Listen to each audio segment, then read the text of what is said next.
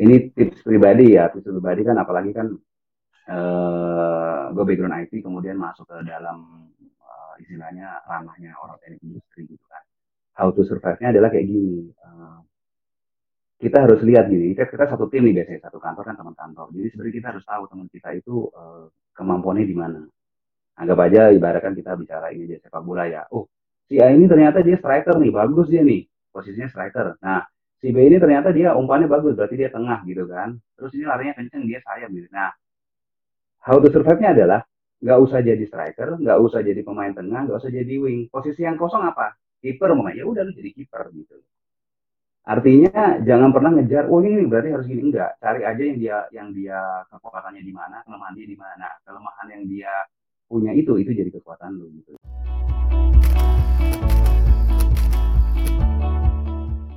Selamat datang di Ngeker, ngepoin kerjaan yang bincang pengalaman kerja orang di sekitar kita.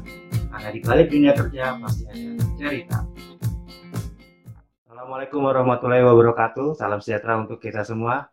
Ya, Sobat Ngeker, episode kali ini kita akan ngepoin kerjaan seorang procurement di perusahaan oil and gas. Nah, mungkin sebagian besar dari kita sudah mengetahui nih jika seorang procurement memiliki tugas memenuhi kebutuhan penyediaan barang dan jasa pihak lain bagi keberlangsungan operasional perusahaan. Oleh karena itu, tugas procurement memiliki tanggung jawab yang sangat besar dan memiliki resiko yang tinggi juga. Nah, di Ngeker kita akan sharing-sharing sekaligus memberikan gambaran terkait berbagai macam pekerjaan atau profesi yang ada di sekitar kita. Dari sudut pandang personal narasumber tentunya, sehingga dapat memberikan pengetahuan terkait posisi tersebut terlepas apa pun pekerjaannya. Ya, terima kasih Bro Rizal. Uh, udah bersedia meluangkan ya, waktu di ya, Ngeker ini nih, ngepoin kerjaan. Nah, sebelumnya silakan memperkenalkan diri dengan menyebutkan nama dan posisi sekarang. Oke, uh, terima kasih waktunya. Perkenalkan, saya nama lengkap Arizal Andi Taufan. Uh, panggilan saya Rizal. Saat ini saya bekerja di salah satu perusahaan oil and gas dan posisinya sebagai procurement analis. Ya, cukup cukup lama juga sih di procurement analis. Totalnya di oil and gas itu uh, 10 tahun. Seperti itu. Nah, oke, okay. terima kasih atas perkenalannya. Nah, uh, eh, gue panggil bro aja nih ya, biar lebih santuy. Iya, boleh, boleh, boleh, boleh. Nah, dari bocoran yang gue dapetin nih, lo kan udah hampir ya kira-kira 10 tahun lah ya di dunia oil and gas ya.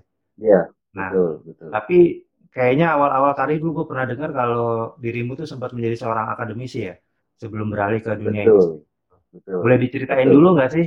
Uh, flashback nih sebentar, flashback ke belakang uh, awal berkarir hingga saat ini apakah sudah sesuai dengan studi studi yang diambil dulu? Oke, ini uh, mungkin ini kejadian untuk hampir semua orang ya, kebanyakan ya uh, untuk pekerjaan pertama biasanya kalau kita kan pengennya kan latar belakang itu uh, kerjaan kita tuh sesuai dengan background gitu. Pada waktu awalnya memang pada saat lulus kebetulan saya juga lulusan lulusan lulusan IT di mana saya juga pengen bekerja di bidang IT kemudian saat itu saya hanya berfokus kepada uh, nyari yang di bidang IT doang gitu terus uh, kemudian tiba-tiba ada lowongan salah satunya uh, tenaga pengajar jadi sempat mengajar di salah satu universitas uh, tepatnya di Palembang waktu itu kan sempat ngajar kemudian pas lagi ngajar itu nah ini sebenarnya agak unik juga nih pada saat loncat ke oil and gas karena kebetulan saja di Sumatera Selatan itu banyak sekali perusahaan-perusahaan gas gitu. Jadi kebetulan aja. Jadi kebetulan juga jadi lowongan itu uh, sebenarnya lowongan yang saya dapatkan di oil and gas itu adalah lowongan untuk range satu. Range satu maksudnya gini, karena dia di Palembang berada di, Sumatera Selatan, jadi dia itu hanya uh, dikhususkan untuk uh, range satu. Range satu itu adalah orang uh, orang Palembang sendiri gitu. Jadi dia pengen nyari orang lokal itu gitu. Nah kemudian karena saya di posisi di situ bisa apply itu nah dari situ nah memang untuk ilmu sendiri pada saat di akademisi itu memang kepake banget jadi pas pada saat mengajar terutama ya ngajar pun di tes uh, ngajar apa segala macam kita juga harus bisa kan karena fresh graduate dan langsung ngajar kan kita sudah masih apal tuh Nah, beberapa mata kuliah yang kita pelajari. kalau boleh tahu nih, dulu eh, ngambil kuliahnya di daerah mana, jurusan apa, terus waktu ngajar pertama juga dengan apa masih linear berarti ya ngajarnya gitu maksudnya mata kuliah yang diajarkan dulu. Betul, betul. Saya sendiri kuliahnya saya kuliah di Malang. Itu Hmm. kuliah saya berada di Malang. Mungkin yang tahu kampusnya di Tidar. Di Tidar ya kita sebut aja sih. Jadi dia eh, adalah Sekolah Tinggi Informatika. Sekolah Tinggi Informatika yang ada di Jalan Tidar. Nah, eh, untuk ngajar sendiri sih masih relevan sih. Jadi yang diajarkan itu eh, masih seputar seperti Microsoft Word, Microsoft Office, kemudian eh, apa ya desain grafis gitu. Oh, berarti Jadi masih seputar itu sih, masih standar masih ter- masih karena juga terkait IT lah masih ya. terkait, masih terkait, masih terkait. Nah, terus berarti dulu eh, waktu di eh, sebelumnya di itu tuh orang Palembang asli atau sebenarnya Oh, asalnya bukan, bukan, sebelumnya bukan. dari mana? Oh, bukan, bukan. Justru gini, justru eh, lahir lahir sih saya di Surabaya, terus Hmm. kemudian lahir di Surabaya, orang tua pindah-pindah ya, jadi lahir di Surabaya terus kemudian orang tua dipindah ke Jakarta, sampai di Jakarta sebentar, eh, SD, SMP, SMP Jakarta, terus kemudian pindah ke Madiun, nah di Madiun eh, S- SMP, SMA, kuliah baru di Malang gitu. Nah di Malang sendiri kenapa bisa ke Palembang? Itu eh, sebenarnya gini, karena eh, waktu pas dari Malang kemudian lulus, nah terus eh, kan istri kebetulan eh, orang Palembang gitu, jadi istri orang Palembang, terus kemudian saya setelah menikah, terus saya pindah ke Palembang. Jadi di Palembang udah sekitar empat tahun totalnya, tapi eh, waktu sampai di Palembang saya nyari kerja di Palembang gitu. Oh, jadi istilahnya selesai kuliah, terus akhirnya menikah, terus akhirnya jadi warga Palembang. Iya, betul, betul. Makanya dulu eh, pertama kali mengajar pun di kampus di seputaran daerah Palembang berarti ya. Betul, betul, betul sekali.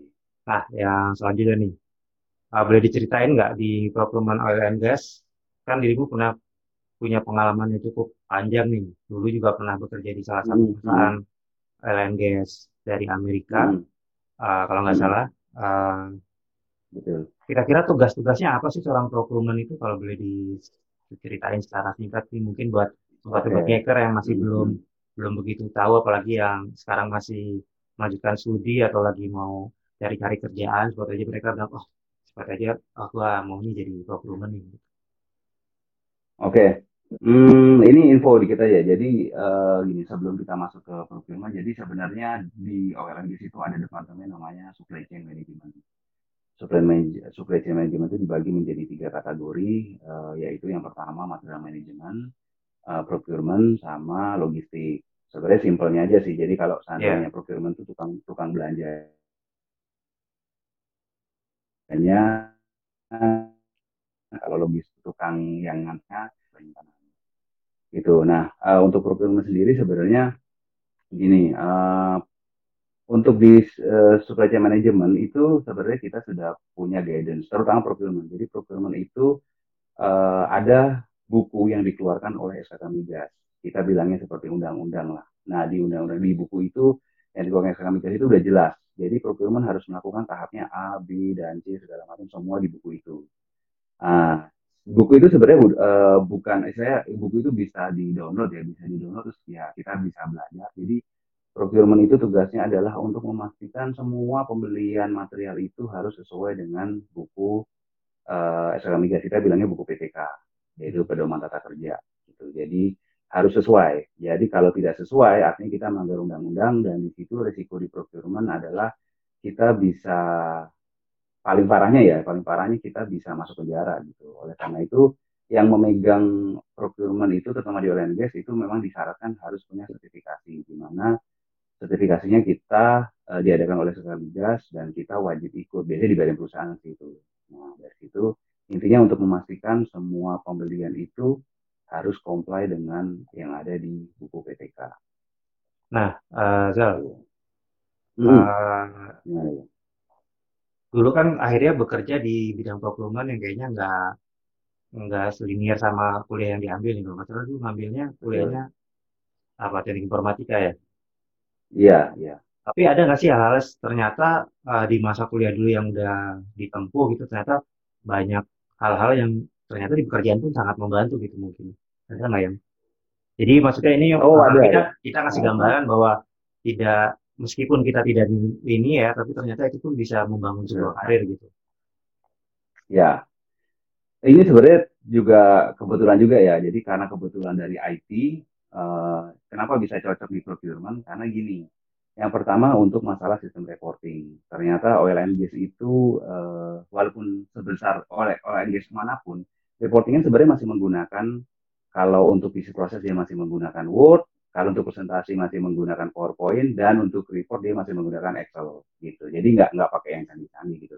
Artinya di situ kita karena kebetulan saya IT jadi kita lebih cepat gitu loh kita lebih cepat untuk oh bikin report oh bikin kayak gini kita justru lebih lebih cepat gitu lebih cepat menguasai gitu apalagi kalau di procurement nih terutama kan kita biasanya mencari nih barang ini sebenarnya siapa sih yang punya nah itu sebenarnya kita kan eh, apa mengandalkan searching di internet ya. Nah itu kalau kebetulan aja karena di IT kan jadi keyword tuh kita udah tahu gitu. Nyari ini oh di sini ketemu gitu. Pak kalau barang ini harganya segini pak. Di vendornya ini namanya ini alamatnya ini emailnya segala macam itu udah langsung ketemu itu sih yang bisa di IT itu itu masih masih linear lah sebenarnya. Masih bisa kepake gitu. Eh, tadi kan sempat dirimu ceritain tuh bahwa sebenarnya di procurement itu ya resiko dan tanggung jawab sangat besar ya bisa dibilang ya bukan cukup tapi sangat betul bahkan hmm. konsekuensinya kalau kita salah-salah kan bisa tadi ada konsekuensi hukum. Hmm. Hmm. Nah, Hmm. eh dirimu juga sempat ngomong bahwa untuk procurement di tambang sekarang ini kan oil and gas menggunakan standarisasi sertifikasi PTK 007 ya kalau nggak salah ya. betul betul Nah, kalau untuk yang fresh graduate nih baru aja mau mulai eh, secara general aja sih, secara general tapi kira-kira bakal perlakuannya sama nih di bidang procurement nggak hanya di oil and gas. Eh, kira-kira apa aja apa aja sih yang perlu disiapkan gitu? Mungkin ada nggak sih eh ya tadi sertifikasi standar untuk seorang procurement atau paling nggak dia menguasai beberapa hal baik itu eh, hard skill ataupun soft skill.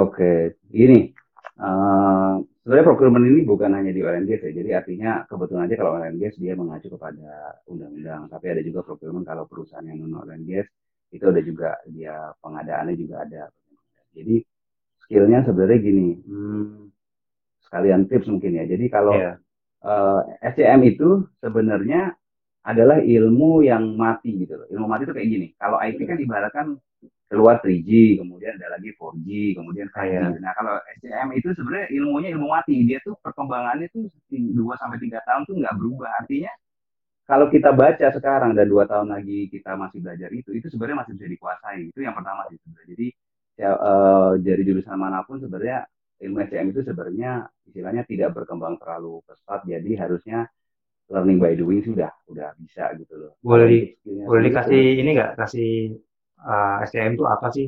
Panjangan kependekan dari apa? Oh iya, SCM tadi. SCM itu adalah Supply Chain Management. Manajemen. Ya, bahasa Indonesia kan kita eh, rantai supply lah. Jadi istilahnya gimana caranya eh, kita kasih gambar aja analoginya gini. Kayak kita mau beli barang gitu loh. Nah, yang punya eh, jadi pada saat kita mau beli barang kan kita harus punya tuh berapa duit yang kita punya kan gitu. Oh, duit saya cuma punya segini. Kalau dong beliin barang ini. Nah, artinya pada saat kita beli barang, nah yang beli ini itu adalah procurement gitu loh. Dan procurement yang akan milih mau beli umpamanya di di toko A, toko B, toko C itu procurement gitu. Nah, setelah barangnya dapat, terus eh, kemudian eh, udah dapat nih, udah dapat. Nah, terus dari toko A itu ngirim ke tempat kita. Nah, itu kan di diantar sama vendornya. Nah, eh, itu pengirimannya itu di handle oleh logistik departemen logistik gitu. Nah, kalau barangnya udah sampai, terus kemudian kita simpan, kita tata di rak atau di mana, nah itu tugasnya material manajemen. Jadi sebenarnya sesimpel itu. Jadi itu sebenarnya eh, pembelian eh, itu sebenarnya rantai supply pembelian barang gitu. Secara simpelnya gitu ya. Jasa juga seperti Ya, itu hampir sama sih kayak kita beli AC gitu. Sama aja sebenarnya. mungkin kayak ini ya kalau kita masak di rumah kan cuma satu porsi, cuma ini bedanya buat langsung kayak sekelas restoran atau kapal pesiar gitu, porsinya langsung banyak kali ya. Betul, betul, betul. Sebenarnya Nah, sama sih prinsipnya sih. Iya gimana?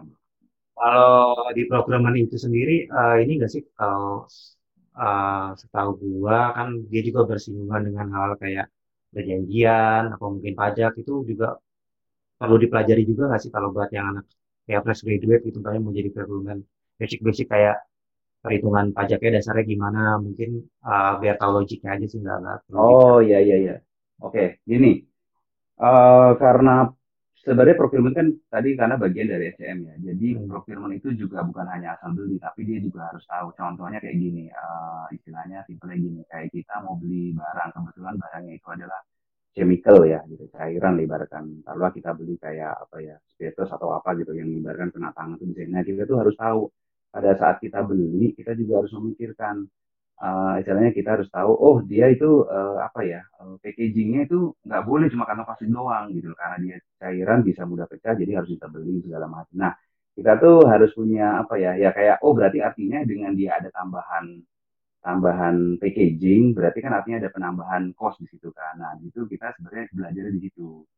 Sebenarnya ilmu ini itu eh, di SCM itu memang ilmunya teknik industri ya sebenarnya. Jadi di situlah diajarin kita costnya berapa sih gitu segala macam. Jadi perhitungan biayanya, terus kemudian perhitungan istilahnya kalau kita beli satu sama kita beli lima kan lima lebih murah gitu. Kenapa lima lebih murah ya? Karena belinya banyak dapat diskon gitu. Jadi itu sih. Jadi eh, ilmu-ilmu seperti itu perhitungan seperti. Tapi eh, sambil jalan sih sebenarnya bisa sih. Gitu. jadi sebenarnya itu ya.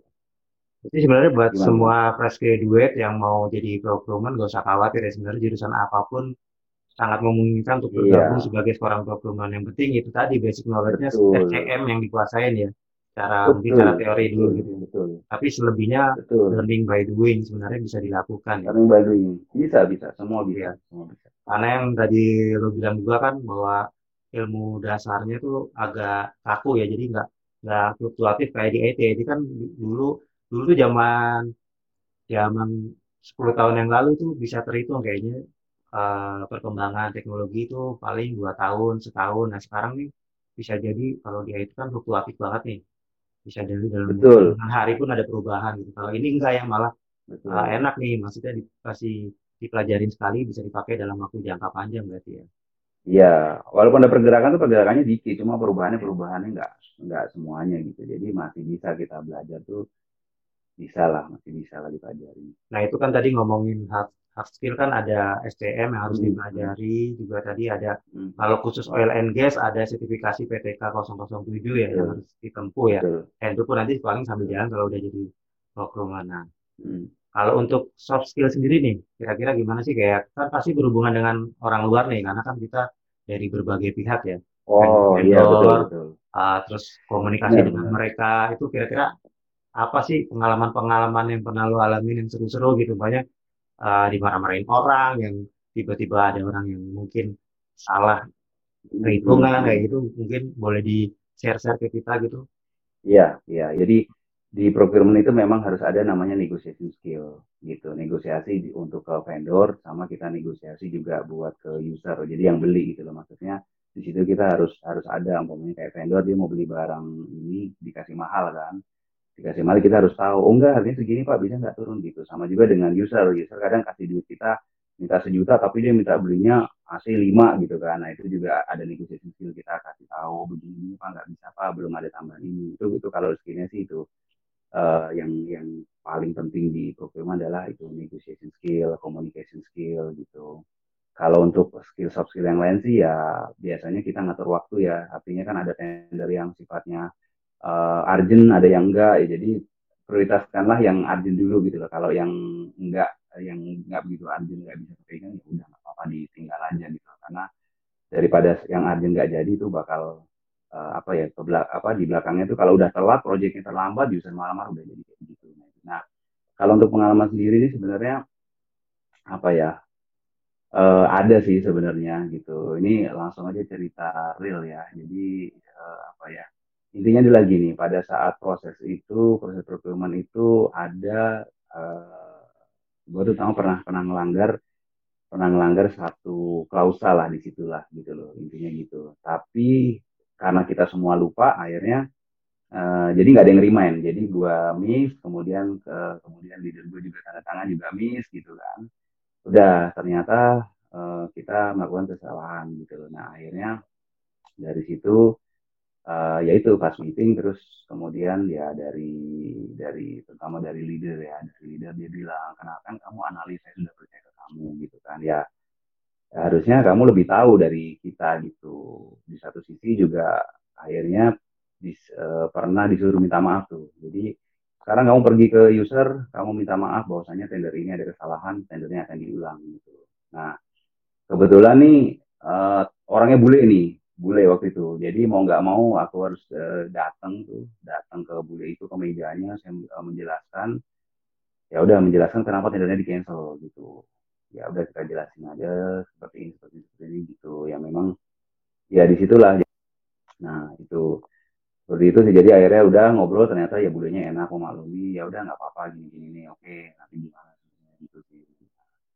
Jadi ya, memang tapi maksudnya ya tapi akhirnya terselesaikan juga kan terselesaikan sih gitu tender tetap diulang cuma gitu tapi oke okay maksudnya justru kalau kita ngalamin hal itu tuh jadikan motivasi aja gitu supaya nggak terulang gimana sih gitu saat dulu ya berarti memang sebenarnya namanya lika-liku dunia pekerjaan ya suatu saat kan kita nggak hmm. pernah tahu tuh uh, ada misalnya tapi yang penting uh, bagaimana menghadapi situasi tersebut sih uh, problem solvingnya yeah. gimana juga tadi kan betul, belum menekankan betul. sekali bahwa salah uh, time management ya harus kalau di problem itu harus dijaga ya, ya. Karena betul, betul. lo punya dua istilahnya dua pelanggan ya dalam tanda kutip ya. Jadi user luar sama user dalam ya. Dua-duanya juga betul. harus dijembatani secara baik berarti biar lancar. Betul betul. Harus fair. Jadi kita nggak oh, kita nggak boleh bela vendor kita nggak boleh bela user. Kan karena kan kita ada undang-undangnya kan. Kalau user salah ya kalau kita lihat dia kok arahnya ngelanggar ngelanggar PTK ya udah kita bilang nggak bisa pak gitu vendor juga gitu nggak bisa pak kita ada ini gitu Berarti Jadi harus, banyak kayak wasit juga ya, lo harus menjaga fairness ya. Betul. Jadi, betul. Kalau user salah ya kita bilang salah. Gitu. Analogi kan, oke. Okay. Betul, nah, betul. Nah, Dal, uh, ini kan udah panjang nih rentang pengalamannya nih. Bahkan dulu pernah hmm. bekerja di gas sekarang yang nasional, sebelumnya di uh, internasional yaitu perusahaan oil and gas hmm. dari Amerika. Uh, kira-kira hmm. ada nggak sih menurutmu uh, perbedaannya atau mungkin gradasinya apa gitu? kalau di bidang oil and gas itu sendiri gitu? Uh, jadi gini, perbedaannya sih ada gitu. Uh, yang pertama, sebenarnya masalah standar. Jadi gini, intinya adalah standar internasional itu memang berbeda dengan standar kita, standar kita lokal gitu. Artinya gini, yeah. kalau mereka kan hmm, karena mereka mungkin negara maju ya, karena dari US kan negara maju, jadi mereka itu sistemnya itu sudah sudah terbangun lama gitu loh. Ya, jadi istilahnya uh, dibilang sistemnya individual enggak juga sih. Jadi mereka itu salah satu contohnya kayak gini. Uh, sistemnya itu mereka itu di awal itu mereka lebih baik gini daripada dia di audit di awal mending dia ciptakan pagar yang panjang tuh.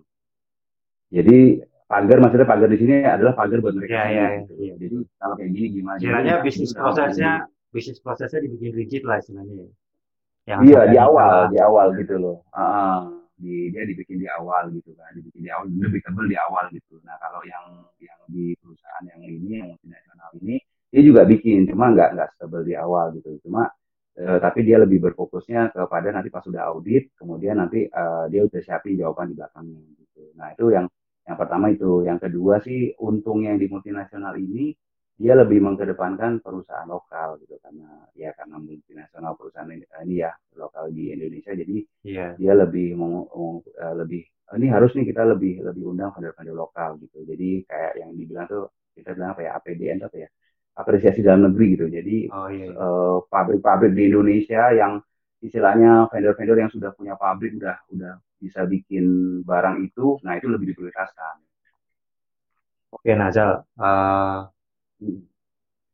selama bekerja nih uh, sekitar udah cukup lama tentang waktunya kira-kira ada nggak sih pengalaman yang lo nggak lupain? Mungkin dari yang mulai masuk procurement nih di bidang procurement itu hmm. kayak di lingkungan kerja malah waktu kan ada sebuah project ada nggak sih hal-hal yang uh, seru-seru gitu apa yang yang mungkin lo absorbnya gimana atau mungkin malah lo malah hal-hal yang sekarang lagi banyak di ini nih digandrung ini lo bertemu dengan hal-hal horor-horor gitu.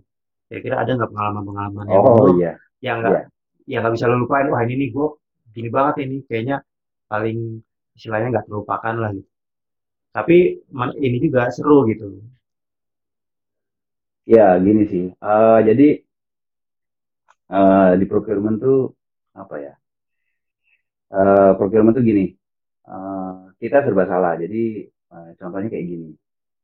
Eh, di procurement itu kan kita di istilahnya eh, di PTK-nya itu di buku PTK kita juga dibilang bahwasanya kita tidak boleh intinya kita harus fair dan kita tidak boleh bermain dengan vendor. Kadang terkadang seperti ini.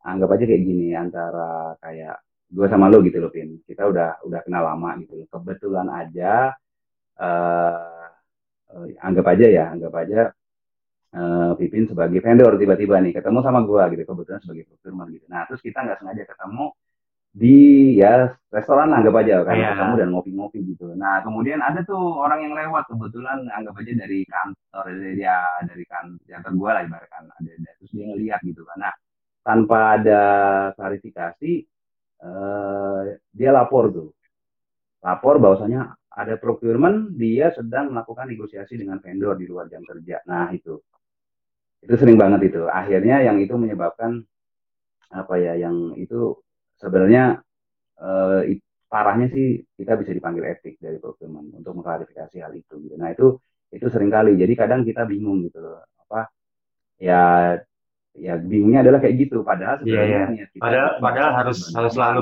harus selalu menjaga hubungan baik ya, karena memang karena kan sebenarnya Betul, hubungannya sebenarnya teman gitu loh. lebih personal ya, bukannya karena ada sangkutan usaha sebenarnya. Iya, sebenarnya kita datang sebagai teman, cuma iya, orang melihatnya beda gitu. Itu ah, program itu sering kali gitu. Terus ada lagi, jadi kita serba salah. Ada lagi gini sudut pandangnya umpamanya kayak ini ini ini kisah nyata gini. Jadi pada saat itu kan gue dari Palembang kemudian pindah ke Jakarta. Sebenarnya gini, tadi eh, udah sempat gue di awal kan bahwasanya eh, gue tuh sebenarnya pernah tinggal di Jakarta, kemudian pindah ke Madiun dan kuliah di Malang. Nah, jadi di Jakarta tuh ada rumah sebenarnya.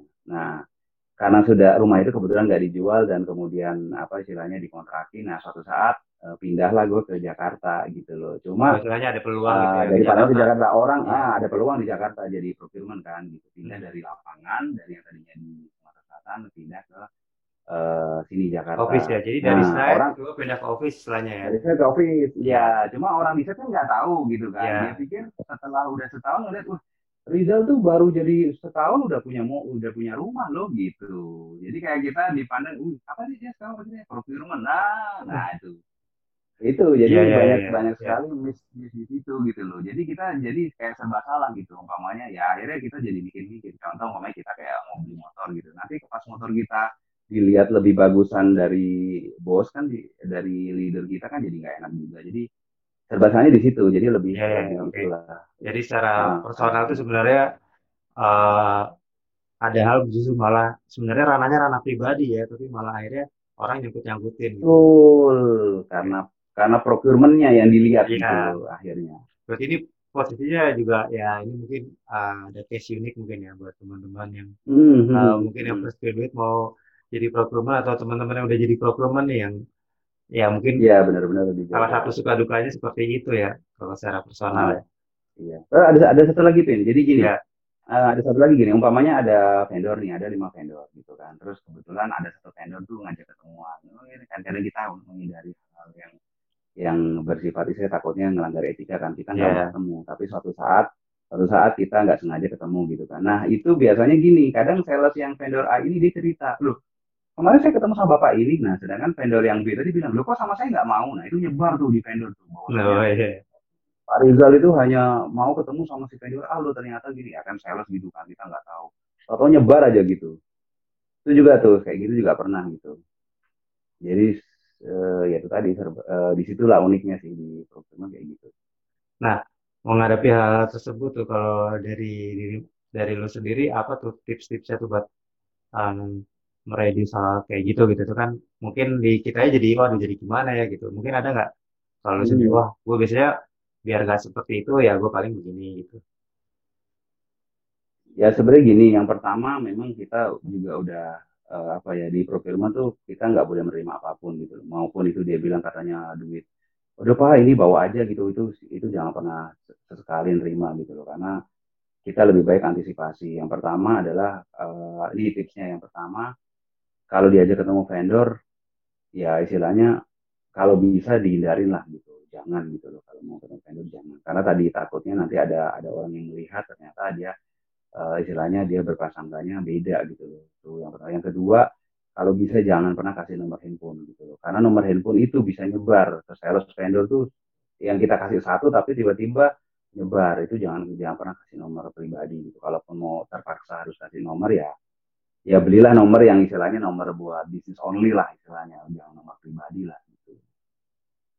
Itu sih. Yang ketiga ya tetap baik juga sama sama user ya di dalam kantor gitu. Jadi artinya biar mereka tahu bahwasanya kita itu sebenarnya memang nggak ada apa-apa memang tipikal orangnya begitu ya itu intinya gitu sih. Apa pun nah itu tadi. Makanya kalau seandainya ketemu dengan vendor apa pun yang dikasih jangan diterima. Takutnya kita uh, apa ada orang lain yang melihat dan jadi salah paham Oke. untuk menghindari sih itu aja sih Wah, ternyata ini juga ya, eh baik di kantor maupun luar kantor banyak tantangannya juga ternyata sebagai seorang programmer gitu.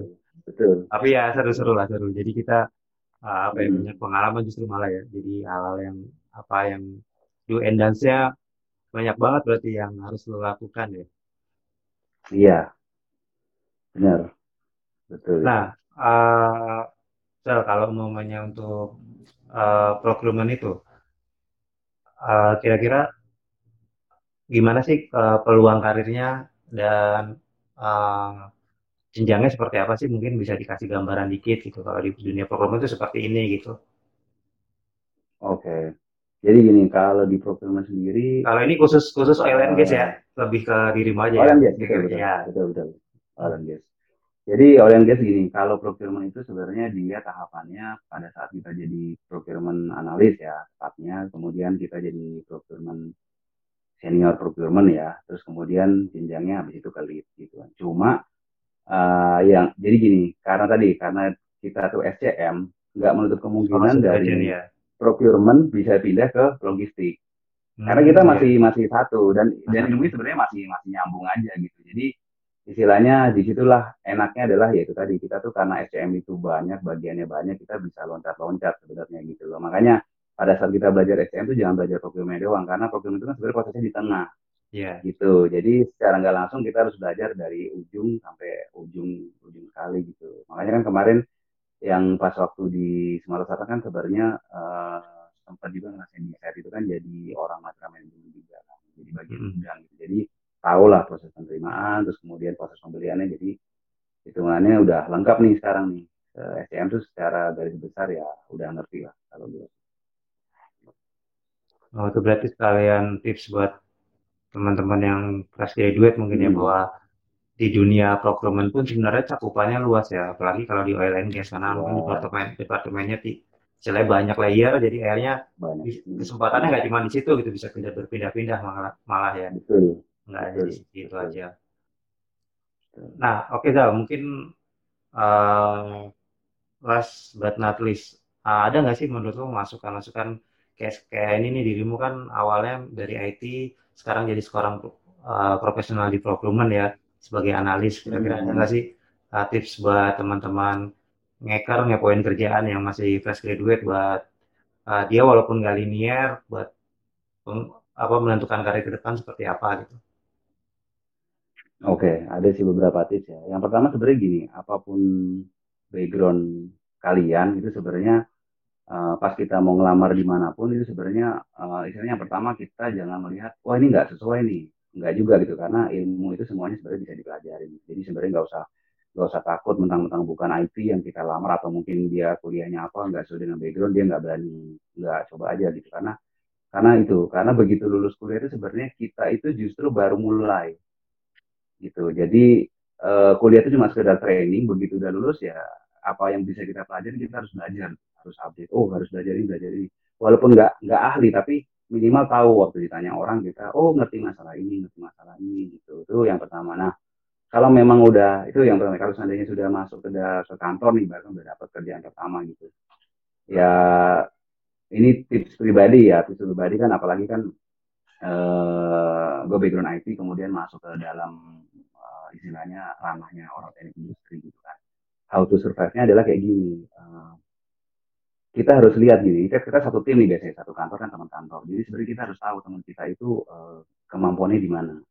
Anggap aja ibaratkan kita bicara ini aja sepak bola ya. Oh, si A ini ternyata dia striker nih, bagus dia nih, posisinya striker. Nah, si B ini ternyata dia umpannya bagus, berarti dia tengah gitu kan. Terus ini larinya kenceng, dia sayap gitu. Nah, how to survive-nya adalah nggak usah jadi striker, nggak usah jadi pemain tengah, nggak usah jadi wing. Posisi yang kosong apa? Kiper mau ya udah lu jadi kiper gitu. Artinya jangan pernah ngejar, oh ini berarti harus gini enggak. Cari aja yang dia yang dia kekuatannya di mana, kelemahan dia di mana. Kelemahan yang dia punya itu itu jadi kekuatan lu gitu. Jadi pada saat nanti ibaratkan dari lead itu ibaratkan disuruh milih, ini dari anak bola kira-kira siapa nih yang yang istilahnya yang nggak perform gitu. Uh, lead itu sebagai coach ya, coach akan bingung. Striker gue ada, terus si ini gue juga butuh, back juga butuh, keeper juga butuh gitu. Jadi akhirnya Eh, nggak uh, ada istilahnya kalau seandainya ada pengurangan akhirnya si itu jadi bingung sehingga itu jadi membuat jadi nggak ada celah lah berat ya. Nggak ada celah iya. solid ya. Karena timnya solid dan yang dibutuhkan tuh ada gitu loh. Jadi jangan ngejar jadi striker jadi striker nggak. Cari aja mereka kalau jadi striker ya jangan striker. Itu cari yang posisi kosong gitu. Itu itu sangat efektif sih nah oke okay. uh, bro lo kan kayaknya tugas pekerjaannya cukup berat nih, apalagi udah walaupun udah nggak bekerja pun lo punya do and dance yang tetap harus lo jaga. Nah, kira-kira untuk menjaga work life balance lo apa sih yang lo lakukan gitu? Mungkin ada hobi atau sesuatu yang lo kerjakan gitu selesai pulang ke rumah. Mungkin boleh di-share-share ke kita ke teman-teman ngeker. Oh iya, jadi ini. Uh, ini kan kebetulan uh, gue kan WFH nih dari bulan Maret kan. Nah, sepanjang bulan Maret itu sampai sekarang kan ya untuk hobi ya hobi jadi uh, gue sekarang nih lagi apa ya lagi akhirnya karena kita WFH sering sering lihat ini nih toko online gitu kan jadi jadi oh berarti masih masih nyambung ya juga. walaupun programan hobinya masih ada tetap di toko online iya iya betul betul betul jadi sebenarnya gue uh, survei beberapa barang gitu kan yeah. terus ngeliat ini barang ini worth it apa enggak terus habis itu biasanya gue beli gitu loh. Gue beli terus uh, udah beli beberapa barang yang menurut gue unik gitu kan. Oh ini unik nih kayaknya bagus nih gitu. Nah makanya dari situ tuh uh, sebenarnya gue ada ini pin juga uh, apa uh, bikin uh, channel YouTube juga rencana oh, gitu. namanya okay. sih udah ada gitu kan. Namanya Hobi Story. Okay. gitu. Mungkin nanti gue taruh di sini ya uh, boleh. Ya Ya, isinya sebenarnya unboxing sih. Ada berapa? Ya kayak contohnya gue beli barang pokoknya kemarin juga sempat beli action figure terus kemudian sempat beli uh, elektronik gitu. Apa pun yang menjadi hobi gue sih menurut gue ini ah ini kayaknya aku waktu ini dibeli gitu. Jadi isinya ntar mungkin rencananya mau unboxing lah. Berarti lo unboxing dalam tanda kutip uh, hobi lo pun gak jauh-jauh dari pekerjaan ya. Malah ini menggunakan Betul. kalian lo di kerja di pekerjaan buat melaksanakan ya, hobi ini ya, ya. benar benar. Uh, mungkin benar. buat teman-teman juga gitu. boleh teman-teman juga boleh tuh yang uh, mungkin mau li apalagi yang senang-senang lihat video unboxing boleh deh nanti langsung aja kepoin hmm. YouTube channelnya Bro Rizal ini nanti gua akan gua kasih deskripsinya di bawah video ataupun di di link. Oke okay, bro. Oke. Okay. Thank you, thank you, thank you. Terima kasih banyak atas kesempatan dan waktunya. Ya, ya. Uh, mungkin itu aja. Uh, bincang-bincang kali ini di Ngeker ngepoin kerjaan mudah-mudahan ini juga bisa berguna buat teman-teman utamanya buat uh, teman-teman fresh graduate atau mungkin yang baru memulai karir di bidang procurement sama seperti Bro Rizal. Uh, mungkin itu aja. Terima kasih banyak. Wassalamualaikum warahmatullahi wabarakatuh. Sehat-sehat untuk kita semua. Ya thank you